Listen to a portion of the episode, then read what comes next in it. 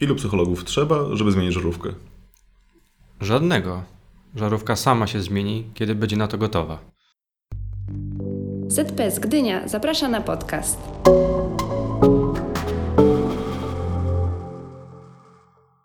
Cześć, z tej strony zespół podcastologicznie. Jest z nami Lidia? Paweł. i ja, czyli Michał. Dzień dobry, cześć. Witamy Was. Mam, mamy nadzieję, że u Was podobnie słonecznie jak i u nas. Spotkaliśmy się dzisiaj w ważnym celu.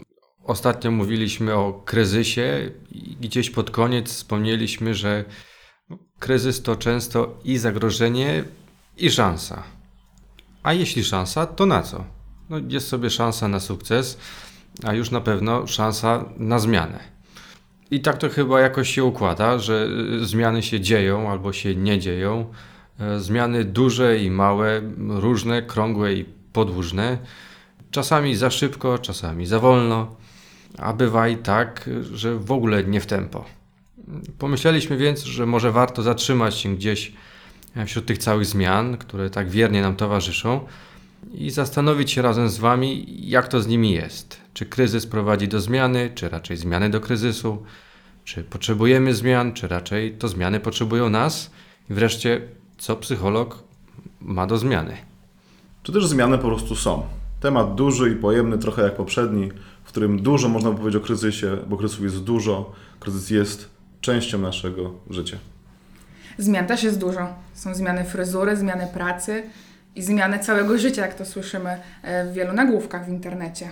W zasadzie słowo zmiana no, chyba równie popularne w naszej branży jak, jak słowo kryzys. Często przy pierwszym spotkaniu pytamy naszych klientów, co potrzebują zmienić albo w jakim kierunku poszukują zmiany. Te, też i z drugiej strony często słyszymy, że e, ktoś się zgłasza do psychologa, bo chce, poszukuje zmiany. No, no, no, no właśnie, i teraz kwestia jest, em, jakie zmiany on chce i czy ona jest konieczna oraz czy ona potrzebuje koniecznie psychologa. Trochę pytamy, no, gdzie w tym miejscu, czy gdzie w tej zmianie miejsce dla psychologa. Też myślę o tym całym klimacie, który no, gdzieś nam towarzyszy no, chyba już, już od ładnych paru lat. No, powiedziałem wcześniej o, o szansie na zmianę, no teraz myślę raczej o modzie na zmianę, modzie na, na rozwój, modzie na sukces. Jest to trochę obraz naszych czasów, jest jakaś trochę presja, trochę oczekiwanie, żebyśmy się zmieniali, a co najlepiej rozwijali. Co o tym myślimy? Dokładnie, jesteśmy takim pokoleniem, w którym jesteśmy bardzo mocno zaprzyjaźnieni z wszystkimi mediami, z życiem celebrytów, z mm, nowym domem, wakacjami, że trochę pojawia się u nas taka potrzeba tego, że powinniśmy się cały czas rozwijać, że to jest pewnego rodzaju presja. Myślimy sobie, że nasze życie powinno wyglądać w taki określony sposób, a nie w inny. Przecież jest cała branża ukryta pod słowem rozwój osobisty. No i później zmieniamy co sezon właśnie fryzurę, co dwa sezony pracę, że jakaś stałość wiąże się często z myśleniem o stagnacji. A to już wydaje mi się ma takie negatywne, w- negatywny wydźwięk. Jasne. Myślę jeszcze o tym, czy psycholog sam nie jest w obszarze rozwoju osobistego i właściwie wtedy w jakiej funkcji roli występuje. Myślę też o tym, że jakby cała ta moda na, na rozwój ma swój początek w życiu zawodowym, w życiu korporacyjnym, w którym rzeczywiście takie, taki pęd związany z tym, żeby przejść do przodu, rozwijać się, nie zatrzymywać, zarabiać więcej i więcej, robić więcej, więcej umiejętności, więcej zdolności, więcej kompetencji, więcej, więcej i więcej. No i gdzieś to zaczęło przenikać też naszego życia prywatnego. Tak jak właśnie powiedziałaś, no, patrzymy w mediach, że jest tego więcej, że oni mogą więcej, że nie robią więcej, a my biedni siedzimy i tego więcej nie mamy. I czasem nam się po prostu nie chce. I ta presja to jest je, jedna strona medalu, ale myślę sobie, że jest też druga strona medalu. Że my zobaczyliśmy, że my możemy wpływać na swoje życie, że możemy je zmieniać, że to nie jest tak, z jakimi przekonaniami, w jakiej sytuacji rodzinnej się urodziliśmy i żyjemy, że to jest, nie jest nam przypisane już raz na zawsze. Podoba mi się to obustronne spojrzenie, że z jednej strony to ryzyko tego, że no właśnie gdzieś popadnięcia w depresję, gdzieś też poplątania wśród tych różnych e, wzorów do naśladowania i że rozwój, rozwój, rozwój bardziej, bardziej, bardziej. Ale też, no, no właśnie, mamy możliwości wyboru, mamy możliwości skorzystania z różnych ścieżek, które nam pasują. No, niemniej no, gdzieś się zastanawiam, że no właśnie, że psychologowie też gdzieś tutaj no, czasem są spostrzegani jako, jako specjaliści mm, czy jako konsultanci od rozwoju osobistego. De facto zastanawiam się, czy, czy od psychologa usłyszymy te, te wspaniałe hasła typu chcesz zmienić świat, to zacznij od siebie. Myślę o dwóch rzeczach. Jak powiedziałeś, tak spójnie depresja. Wspólnie depresja. Spójnie depresja. No ona się wiąże z presją. Aha. Czym więcej mamy presji, czym więcej oczekujemy od siebie, no w pewnym momencie możemy poczuć zmęczeni, przytłoczeni. No i dobra droga do tego, żeby tą depresję mieć. Jakby choćby z powodu tego wypalenia, tego, tej bezradności, tej niemożności, tych emocji, które są związane z tą presją, w której nie każdy może czuć się dobrze. Pomyślałem, że w takim razie te, te dwie ścieżki jakby napędzają rynek, w sensie i presja na rozwój i zmianę, no i ten efekt uboczny, czyli depresja, tym, którym się nie udało po drodze. Napędzają rynek psychologiczny Mhm. i to jest mało etyczne, nie? Też trochę niepokojące.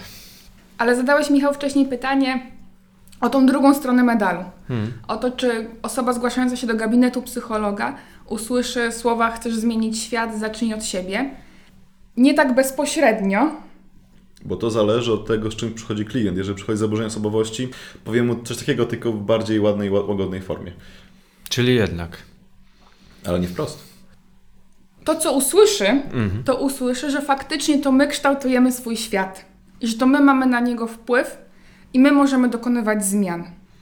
Okej, czyli będzie jakoś akcentował to, co możemy, co jest w naszym zasięgu ręki, albo jak zdobyć jakieś narzędzia, żeby realizować jakieś zamierzenia. Tak. Gabinet psychologa daje nam taką przestrzeń, taki czas do zajęcia się sobą, do poświęcenia uwagi swojemu życiu, zastanowienia się, czy jest coś, co chcę zmienić, co chcę zmienić, co mi się podoba, co chcę zostawić. Że to jest takie miejsce zajęcia się sobą. I zauważenia tego, że świata nie zmienimy, ale możemy zmienić siebie. Że są rzeczy, na które mamy wpływ i które są poza naszą kontrolą. Czyli mówisz o tym, żeby szukać wpływu tam, gdzie wpływ mamy, czyli chodzi głównie o sprawczość. I naszą sprawczość w tym procesie zmiany. Psycholog nie narzuca swojego punktu widzenia tej zmiany, a bardziej daje przestrzeń do zobaczenia, zrozumienia, zaobserwowania zmiany jako pewnego procesu w naszym życiu. Czyli wspiera proces poznawczy. No, między innymi y, też pomyślałem, że no, psycholog oferuje w pewnym sensie pracę nad zmianą na wielu różnych poziomach, na różnych poziomach głębokości.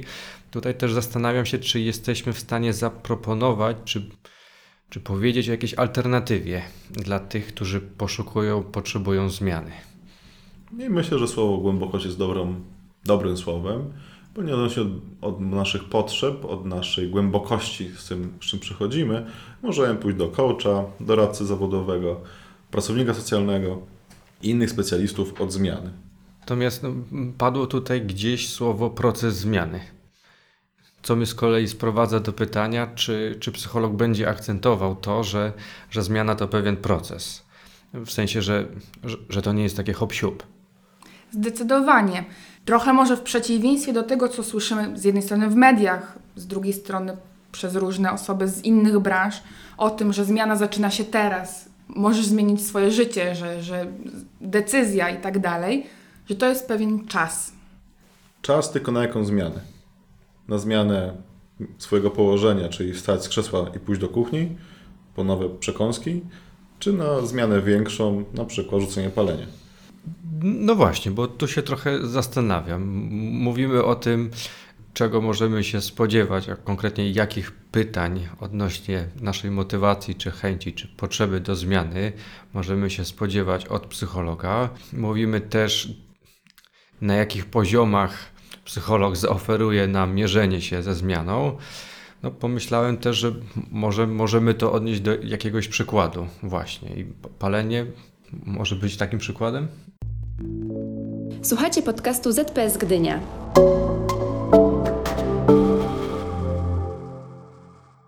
Myślę, że spoko. Kto palił? Oprócz mnie? No, ch- nie, chyba nikt. Okej, więc palenie jest dobrym przykładem, ponieważ pali dużo osób. Dużo osób wie, z czym to się je. a Dużo osób próbuje rzucić. dużo osób próbuje rzucić. I właściwie ja sobie z tym poradziłem, a wcale tego nie rzucałem. Po prostu przestałem palić. I jakby to był ten pierwszy proces w tej zmianie, pod tytułem, żeby przestać rzucać. E, Chwila, chwila, moment, zaraz. Mówisz o rzucaniu palenia jako pewnym procesie, a jednocześnie w pierwszym etapie tego procesu już rzuciłeś palenie, to gdzieś się poplątałem. Co dalej? Jak, rzuca, jak rzucałem palenie, to rzucałem to palenie wielokrotnie. Właściwie tego samego dnia, na drugi dzień już znowu paliłem. A paliłem naprawdę dużo papierosów, paliłem w dobrym czasie, dwie paczki dziennie, więc tego było mnóstwo, więc też w pewien sposób musiałem się uznać za osobę uzależnioną i jakby dalej mam to w głowie, że gdzieś wystarczy ten jeden krok do tego, żeby wrócić do palenia. Jednocześnie w sytuacji, kiedy zdałem sobie sprawę z tego, że no, warto przestać rzucać palenie, warto przestać o tym myśleć, że rzuciłem palenie, po prostu przestać palić, okazało się, że nie palę już 5 lat. To był ten początek. To, co działo się potem, to już była inna historia, bo musiałem zdać sobie sprawę z tego, po co mi palenie było, co palenie mi dawało. I na przykład w moim przypadku palenie było bardzo związane z czekaniem. I musiałem sobie to czekanie pełnić czymś zupełnie innym niż tym paleniem, co było ciekawym doświadczeniem, ponieważ naprawdę testowałem różne rzeczy i w końcu stanęło na mm, gumie do rzucia i książkach, co było ok, lub na chodzeniu w tą we w tą. Wypełniło mi to wtedy, teraz już absolutnie nie potrzebuję tego z niczym, ponieważ już moje nawyki zmieniły się w taki sposób, że nie czuję dziury po paleniu. Jednak też minął jakiś czas. Ale byłoby kłamstwem, gdybym powiedział o tym, że nie myślę czasami o tym, żeby zapalić. Jak mówię, no, pewna akceptacja tej, tego uzależnienia, które jest we mnie. Myślę, Paweł, że na mm, Twoje rzucanie albo nierzucanie palenia jako proces zmiany można spojrzeć, że on się właśnie zaczął już w pierwszym momencie, kiedy zobaczyłeś, że masz jakąś trudność, że jesteś uzależniony i że te wszystkie próby rzucania to też był ten proces zmiany. Były nawroty, nieudane próby, ale Ty się nie poddawałeś, aż znalazłeś skuteczną strategię. Jasne, powiedział, że trochę wcześniej. Ponieważ zanim zauważyłem, że jestem uzależniony, to najpierw przestałem palić. Dopiero potem zdałem sobie sprawę z tego, jak bardzo. E, e, lubię palić, bo to było trochę też tą, w tym kierunku. Jeżeli chodzi o kwestię nawrotów, to jest szalenie ważna rzecz, bo jeżeli ja wracam do tego, co było przed zmianą, przed tym kierunkiem, to czy to również nie jest zmiana w jakimś kierunku, czy to również daje mi jakieś informacje do tego, tych informacji zwrotnych właściwie, nie? Dlaczego mi się nie udało, dlaczego jednak jestem z powrotem w tym samym miejscu. Na przykład palenie, to może być na przykład taka sytuacja jak w pracy, kiedy ludzie ciągle rzucają pracę, mają jej dosyć, ale coś w, nie, w, nich jest takiego, że wracają do tej pracy albo wracają do takiej samej pracy. Mam wrażenie, że proponujemy coś no, zgoła wywrotowego. No, myślę o tym, że no, no właśnie o, o tych nawrotach. Wydaje mi się, że dla wielu nawrót w jakimś procesie zmiany no, będzie oznaczał to, że to już plan się posypał, no i jesteśmy na trzy kroki w tył. Natomiast my tutaj chyba mówimy o tym, że nawrót to pewien etap w procesie zmiany i to, że mierzymy się z nawrotem, nie znaczy, że wypadliśmy ze ścieżki zmiany. I mam taką myśl, jeżeli chodzi o nawrót, bo możemy nawrót ubrać przekonanie, że jest to moja osobista porażka, nie udało mi się czegoś zmienić, a możemy wziąć nawrót jako informację dla nas, co spowodowało, że wróciliśmy do tego miejsca, w którym byliśmy wcześniej i czy to rzeczywiście jest to samo miejsce. Czyli mm, nawrót to nie porażka. Nawrót to nie porażka. Nawrót to informacja. I jednocześnie nawrót to nie jest powrót do sytuacji początkowej, tylko że Ponieważ- coś wiemy więcej. Ponieważ wracamy do miejsca, w którym spróbowaliśmy już zmienić. Czyli jest to jakieś miejsce, w którym jesteśmy chociaż trochę mądrzejsi, albo miejsce, w którym możemy stać się trochę mądrzejsi w tym naszym procesie zmiany. Jasne, bo wracając do palenia, na przykład jeżeli wracam do palenia i absolutnie zapominam o tym, że rzucałem palenie i nie chcę o tym myśleć, to też minie jakiś czas, kiedy zdam sobie sprawę z tego, że celowo zapomniałem o tym. Kiedy wrócę do tego palenia z uczuciem porażki niskiej samooceny, bo nie dałem rady, To też będzie jakaś informacja dla mnie, czy to był ten czas na przykład na tą adekwatną, konkretną zmianę. Lub właśnie, czy ona była adekwatna. No, mam wrażenie, że odnieśliśmy trochę no, Twoją historię z paleniem no, do, do pewnego modelu zmiany. Mm, Zastanawiam się, co jeszcze daje rozumienie zmiany jako pewnego procesu, w, jakim celu to akcentujemy. Mówimy o tym, że proces ma swoją mechanikę i dynamikę, ma swoje etapy, do których możemy się przygotować. Tak, że tą naszą zmianę możemy podzielić na te etapy, że to są takie porcje, które my możemy ogarnąć w danym czasie, że mamy własną sprawczość, że czegoś dokonujemy, coś wprowadzamy, możemy się przygotować, możemy przemyśleć, dobrać strategię, możemy zrozumieć naszą aktualną sytuację. Pomyślałem o tym, że pakujemy plecak na podróż. Mm, Ale to tylko w sytuacji wtedy, kiedy wiemy dokąd idziemy. Czyli palenie jest takim ładnym przykładem, no bo wiemy od czego idziemy i do czego idziemy. Czyli do sytuacji, kiedy nie palimy. Lub kiedy rzucamy, ale to też jakby ma różne konsekwencje. I też myślę o tym, e, co dzieje się w tym, jak już idziemy. No właśnie, że mówimy o pewnej pozycji startowej, pewnym celu, co po drodze i chyba nie byłbym psychologiem, gdybym nie zapytał o emocje. No właśnie, jakie, jakie emocje towarzyszą procesowi zmiany? Mówimy o pewnych etapach, no to gdzieś zakładam, gdzieś się domyślam, że w różnych etapach mogą się pojawiać różne emocje. Pierwszym etapem jest dostrzeżenie swojej trudności, więc na tym mm, momencie może się pojawić smutek, przygnębienie, obniżenie własnego takiego samopoczucia dobrego, ale też niepewność, lęk przed tym, jak to zrobić, kiedy. Trochę bym chciała, ale się boję. Lub też trochę takiej ekscytacji przed się podróżą. Trochę radości w tym, jeżeli już te poszczególne etapy zauważymy, bo to obserwowanie tego procesu to jest szalenie ważne, bo to nas motywuje i wspiera do tego, żeby iść dalej w tym kierunku zmiany, żeby czerpać te informacje, o którym też powiedzieliśmy wcześniej. Dokładnie, że ta ekscytacja będzie nam towarzyszyć w momencie też działania, kiedy wprowadzamy tą pierwszą strategię, czujemy przypływ energii, może nawet euforię, poczucie właśnie sił, sprawczości. To ja trochę ostudzę tę ekscytację i zawrócę do nawrotów, no bo wydaje mi się, że jeszcze nie powiedzieliśmy o złości, a nawrót jakoś tak blisko kojarzy mi się z możliwą złością. Szczególnie, że nawrót też może pojawić się w takiej sytuacji, kiedy idziemy i mówimy sobie o tym, że w domu było lepiej. I to już jest też taka sytuacja, która pojawia się blisko nawrotu. Że mogę za tą, za tą myślą pójść, za tym przekonaniem i wrócić do tego, co było, i to już będzie nawrót. I też właśnie mówisz o złości, mówisz też o niepokoju właściwie, który też jest związany z tą złością w pewien sposób. Mówimy o tym pobudzeniu fizycznym albo obniżeniu tego samopoczucia fizycznego, o którym powiedziała Litka. Ja pomyślałam sobie też o wstydzie, o tym, że mm, często właśnie czujemy przypływ energii, rozmawiamy z bliskimi o tym, że dokonujemy zmian, że super nam idzie, a kiedy nam się nie uda, to trudno jest nam się na przykład przyznać innym osobom. Czujemy się gorsi, właśnie mamy poczucie porażki. Też myślę o poczuciu winy. Szczególnie tym poczuciu winy, które pojawia się w odniesieniu do tym, kiedy to są moje wartości, które zostały w pewien sposób uszkodzone lub naruszone. Pomyślałem jeszcze o tym, jak powiedziałaś o, tym, o tych innych. Na przykład mamy rodzinę alkoholików i jeden stwierdzi, że wytrzeźwieje, ale nie mówię mu o tym, że co, ty będziesz nie pił. I zastanawiam się nad tym, na ile jakby ta jego zmiana nie będzie wiązała się dla nich z zagrożeniem, że oni sami będą musieli wytrzeźwieć, bo będą widzieli tego trzeźwego członka rodziny.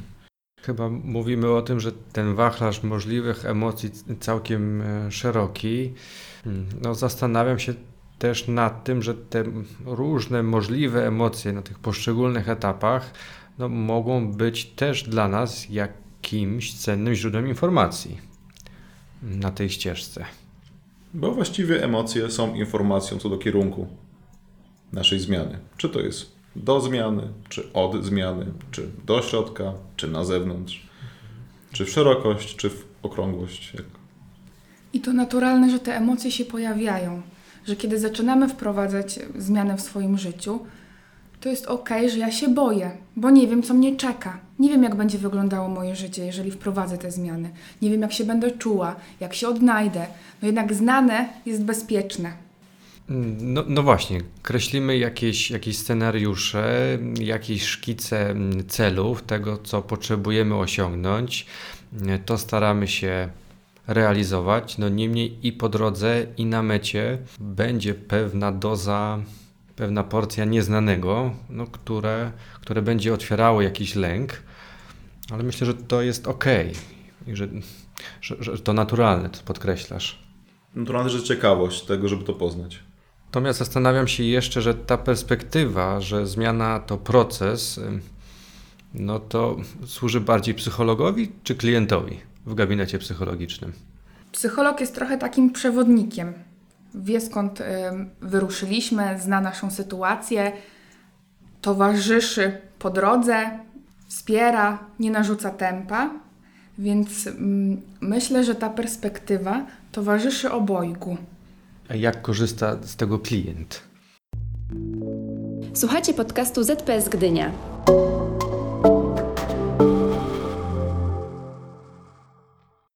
Z wiedzy przewodnika, właściwie jeżeli przewodnik, tak myślę o przewodniku wycieczek bardziej niż o przewodniku e, w rozumieniu takim RPGowo-średniowiecznym, Okej. ponieważ trochę psycholog nie wie, gdzie idzie ze swoją wycieczką.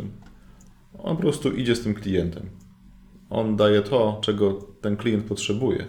Jeżeli klient potrzebuje, żeby takie rzeczy były nazwane, to tak zostanie wdrożone. Tak zostanie ponazywane to, czego potrzebuje. Jeżeli tego nie potrzebuje, to my tego nie nazywamy, chyba rzeczywiście sytuacja jest niewyrażona, tak zwana, czyli kiedy klient tego potrzebuje, ale tego nie nazwie.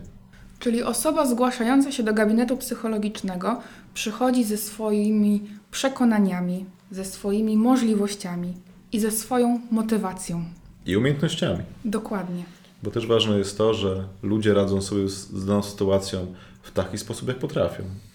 I czasami, kiedy to, co potrafią, nie wystarcza, przyjdą do psychologa, psychoterapeuty po to, żeby się nauczyć czegoś nowego, czegoś innego, czegoś, co pomoże mu żyć lepszym życiem lub lepszą zmianą. Myślę w takim razie, że mamy pewien punkt startowy, mamy jakiś szkic e, punktu docelowego, wiemy mniej więcej, no dzięki naszemu przewodnikowi, co, co po drodze, plecak spakowany, no to co może pójść nie tak? Może padać deszcz. Możemy trafić do rzeki. Mhm. A co zrobić, jeśli nie uzyskaliśmy pożądanych efektów, albo no, zaliczamy jakieś potknięcie, czy, czy, czy gdzieś na dłużej stoimy w miejscu? Mówiliśmy już wcześniej o tych nawrotach, o tym, że kiedy one przyjdą, warto się zastanowić nad tym, co możemy zmienić, jaką inną strategię możemy przyjąć. Wracając, Paweł, do Twojego przykładu, że zmianą strategii w tej sytuacji może być najpierw zażywanie różnych substancji wspomagających e, proces e, Na przykład guma do rzucia. Dokładnie. Albo czytanie książek, albo bieganie. To są te strategie, to są te ścieżki. Mhm. I właściwie mnogość tych ścieżek. To też o czym mówimy, to jest to, że zawsze możemy wybrać inną drogę i też tą informacja, która idzie z tej zmiany, to jest zwiększona tolerancja, zwiększona perspektywa wyboru tych ścieżek, tych dróg i gdzieś w pewnym momencie akceptacja. Co my tu mamy? Z jak zmiana i A jak akceptacja. Coś się kończy, a coś się zaczyna. Lub zaczyna się od akceptacji, a potem jest zmiana. Proponujemy stwierdzenie, że nie ma zmiany bez akceptacji. Oto potrzebowałbym coś więcej usłyszeć. To może później. Okej, w takim razie no biorę, to, biorę Cię za słowo i to będzie jakaś, jakiś punkt wyjścia do naszego jakiegoś kolejnego spotkania, gdzie będziemy mówić o, o akceptacji w takim razie. To, co warto dzisiaj powiedzieć, to że zmiana wiąże się z akceptacją na przykład własnych emocji, własnych potknięć, tych nawrotów, niepowodzeń, sytuacji początkowej i sytuacji końcowej, o ile możemy o takiej mówić. Oraz stanu po zmianie. A reszta nastąpi później. Okej, czyli nieodłączny, wierny, sprzymierzeniec i sojusznik, akceptacja. A jak właściwie jest tą zmianą? No właśnie, czuję, że, że, to jakieś, że to jakieś miejsce na podsumowanie i małą puentę. Zaczęliśmy od żartu, Więc pomyśleliśmy, że puenta też może być poetycka. No i myślimy chyba, że ze zmianą jest trochę jak ze staniem w rzece. Mamy wybór, czy stoimy, czy płyniemy z prądem, czy pod prąd. Wydaje się też, że jeszcze przed dokonaniem wyboru ułatwimy sobie znacznie zadanie, jeśli zaakceptujemy to, że właśnie znaleźliśmy się w rzece. Także z tego miejsca będziemy się z Wami żegnać, zanurzeni po kostki, po kolana albo po uszy w zmianie. Żegnam się ja, Michał. Litka, I Paweł. Miłego dzionka, do usłyszenia następnym razem. a widoki są piękne. Dziękujemy za wysłuchanie podcastu ZPS Gdynia.